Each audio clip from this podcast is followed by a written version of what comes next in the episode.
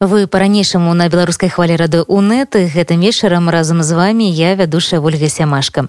Абмярковаем мы асноўныя навіны тыдня і днямі зноў загаварылі аб агульнанацыянальным страйку. У прыватнасці лідар беларускага аб'яднання рабочых Сергей дэлеўскі аб'явіў перадзабастовачны стан і не выключыў што ў бліжэйшыя месяцы пачнецца непасрэдна і сам страйк. Якая зараз сітуацыя на беларускіх прадпрыемствах і што можа стаць трыггерам для масавай незадавалёнасці рабочых. Я поговорила с Сергеем Делеўскім.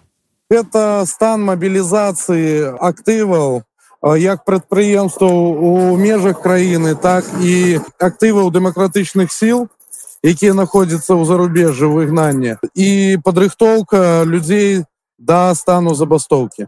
А колькі гэты стан перад забастовачным можа працягвацца і калі можа пачацца сапраўдная забастоўка? Перад забастовачны стан мы увогуле спадзяемся што максімальна будзе працягвацца ў рамках месяца а забастоўка можа пачацца навогул у любы, момант. Яна можа пачацца і сёння і заўтра Ну вот але ж гэта гэта залежыць у першую у першую чаргу ад людзей якія знаходзяцца ўнутры краіны і ад той сітуацыі якая можа адбыцца там у адносінах эканамічных ці палітычных да хунты вот з боку іншых краін А вось тое што вы зараз аб'явілі гэты перадзабастовачны стан я так разумею што тэрміны даты вы выбралі не выпадкова то бок уже сітуацыя созрела так сітуацыя вот мы таму і аб'явілі перадзабастовачны стан тому что увогуле э, созрела як сітуацыя так і созрелі э, людзі актывісты якія знаходзяцца на працоўных мястах на прадпрыемствах беларусі. Вось і калі мы распрацавалі э, кожнага з гэтых людзей калі можна гэтак выразіцца. Кожную асобу якая дала адказ что на маём прадпрыемстве я могу узначаліць страйк там на 3000 чалавек на 5000 чалавек. Вось тады мы і аб'явілі прадстрайкавыя состояние Я так разумею что гэтую інфармацыю збірае беларускае аб'яднанне рабочых так? Так так і даныя па колькіх прадпрыемствах беларускіх у вас ужо ёсць зараз ёсць данные у нас по амаль што 20 прадпрыемствах на тэрыторыі беларусі і флагманы і меншыя прадпрыемствы то есть э, есть прадпрыемствы э, колькасць працоўнікаў на, на якіх э, ацэньваецца там у 15-16 тысяч чалавек але есть і прадпрыемствы дзе, дзе колькасць працаўнікоў ацэньваецца там у тысячу полторы і што вось кажуць на гэтых прадпрыемствах? У іх што там пагоршыўся эканамічны стан грошай няма. Чаму вось рабочыя зараз гатовы выходзіць? Пагоршыўся калі можна так сказать зарплатны стан. Натуральныя зарплаты паменшылись у людзей. Тыя станкі тое оборудование за якімі яны працуюць на сягонняшні момент яно находится ў таким цяжкім цяжкім стане у разрухе все і людям просто гэта надоело навогул і яны готовы выходзіць так? Тому что памятаеце что у нас ужо быў агульнанацыянальны ультыматум калі рабілі стаўку на рабочых рабочыя не выйшлі. Так тому что не было э, такой безопасной альтэрнатывы я б, я б так сказал мы ее распрацавалі. Наша сейчас галоўная мэта это остановить прадпрыемствы каб хунта не зарабляла грош і мы бачым способам галоўным способам остановки таким чынам прадпрыемства максимально безопасно для людзей гэта то просто на вопрос не выход на працу просто застаться дома. А які процент э, рабочих павінен застаться дома каб ваша забастоўка удалася? По нашим меркам э, пример прыкладна 25-30 процентов 30соткаў працаўнікоў на павінна не выйти на працу каб страйк состояўся казалі что ёсць альтэрнатыва і вы распрацавалі нейкія гаранты А что за яны? Так гэта як як фінансавыя гаранты фінансава так бяспекі фінансавай для патэнцыяльных страйкуючых так і гаранты безопаснага на крайні такі выпадак безопасного выезда за мяжу для актыўных людзей якія будуць э, рабіць актыўныя дзеянні. То быў у вас нейкі агульны план з офісам святланы ціхановскай. Про гэта ідзе размова ці не? А, не не з офісам святланы ціхановскай у нас ніякіх агульных планаў фінансавых не было. У с офісам святланы ціхановскай у нас у беларускаго аб'яднання рабочих у нас фінансавых ніякіх адносін і дапамогі не было. Вось гэта фінанс но я вас бачыла на прэс-канферэнцыі дзе вы выступалі по гэтым плане? Да да так мы мы выступали по гэтым плане мы спадзяваліся что будзе якая-то дапамога але ну які есть так ёсць ось і ўвогуле гэта фінансавая дапамога гэта ад беларусаў замежжа да беларусаў у беларусі і таксама ад беларусаў унутры краіны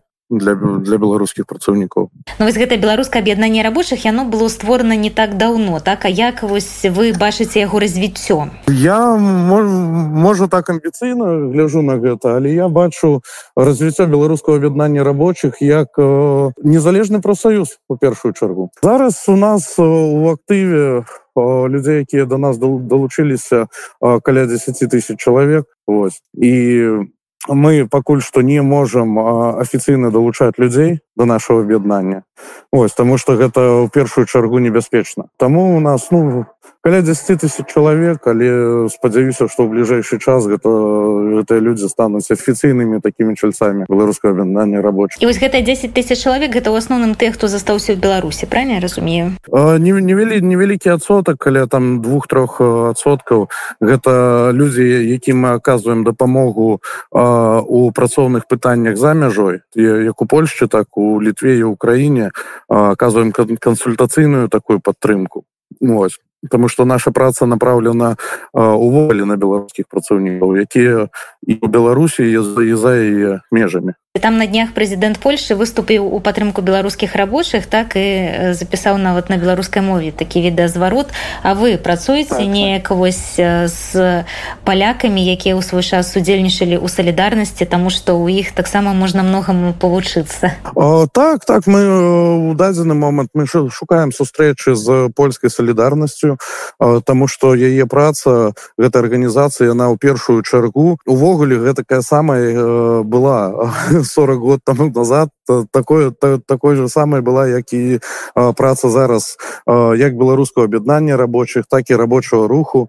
Вось были такие та, такая ж подпольная праца як у нас вядецца зараз. І гэта быў бы такі бесценны опыт для нас. Вось але з лідарам з былым лідарам з польскіх страйкай страйкаў я сустракаўся яшчэ восенню двадцатого года. І зімы тогда да у гданьску мы так вельмі добра так по-дружескі ён так по-бацькоўскі да мяне аднёсся э, даў э, шмат таких советаў добрых. І вось якая парада у вас самая ценная была?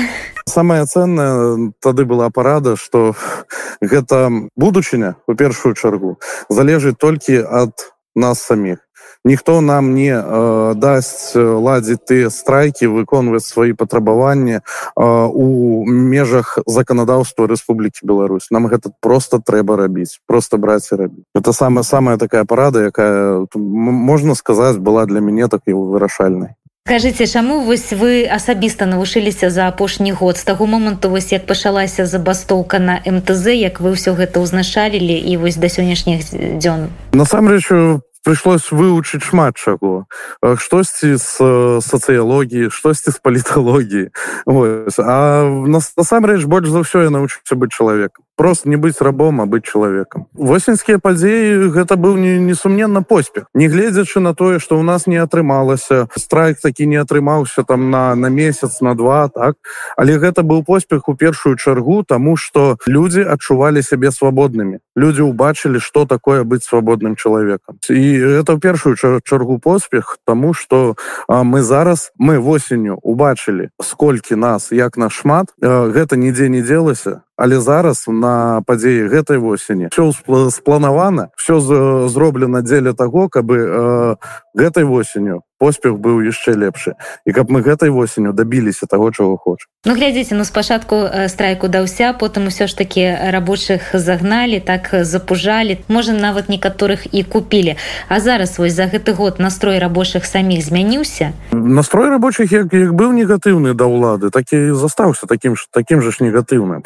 Але насамрэч рабочие научыліся камуніцировать праміж сабой планаваць свае якія-то дзеянні ці бездзеяння я лічу что працаўнікі вельмі шмат чаму научыліся і адстайваць свои правы на прадпрыемствах. Юрыдычным плане і ў фізычным плане. То есть не гледзячы на тое что людзі баяцца але людзі научиліся адстаивать свои правы. Кожа работнікаў не так шмат засталося. Я думаю что вы сошыце за сітуацыяй так на мтз як там лезве не сяброў набіраюць. Я я ну, вельмі уважліва сачу і гэта сітуацыя яна увогуле добрая для нас у першую чаргу тому что не будзе таких э, масавых звальненняў як былі ў прошлом году. Потому что працаваць навогуле на прадпрыемствах на закладах няма кому і чалавек які не выйдзе на работу э, чалавек які забастуе яго э, больш шансаў что яго не зволіць что ён зможа добиться сваіх трэбаў патрабаванні. Ну і яшчэ акрамя таго што санкцыі так якія еўрапейскія амерыканскія так яны таксама адбіліся на стане беларускіх прадпрыемстваў.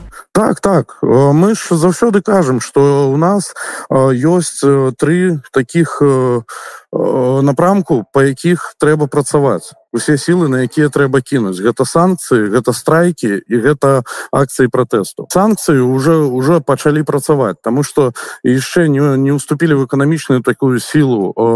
Да беларусі некаторыя санкцыі але былыя партнёры беларускіх прадпрыемстваў замежныя якія працавалі з беларускімі прадпрыемствамі уже адказваюцца ад этой працы. Выплывы прыклад такі як белаз там камень адказаўся ад супрацоўніцтва бош адказаўся ад супрацоўніцтва тое оборудование якое пастаўляе ярослаўскі моторны завод на белаз яно не адпавядае тым нормам якія патрабуюцца для машин так такого класса. Вось из-за гэтага да выходит такая ситуация что санкции уже працуюць Вось э, акций протестаў э, актыўных мы э, не убачым тому что люди ну напалоханыя будем будем честными.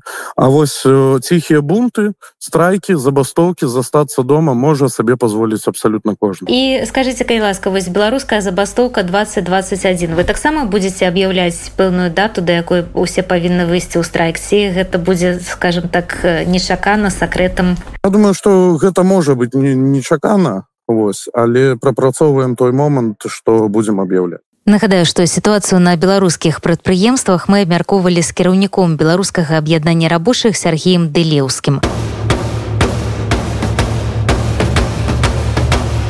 Жыве Беларусь!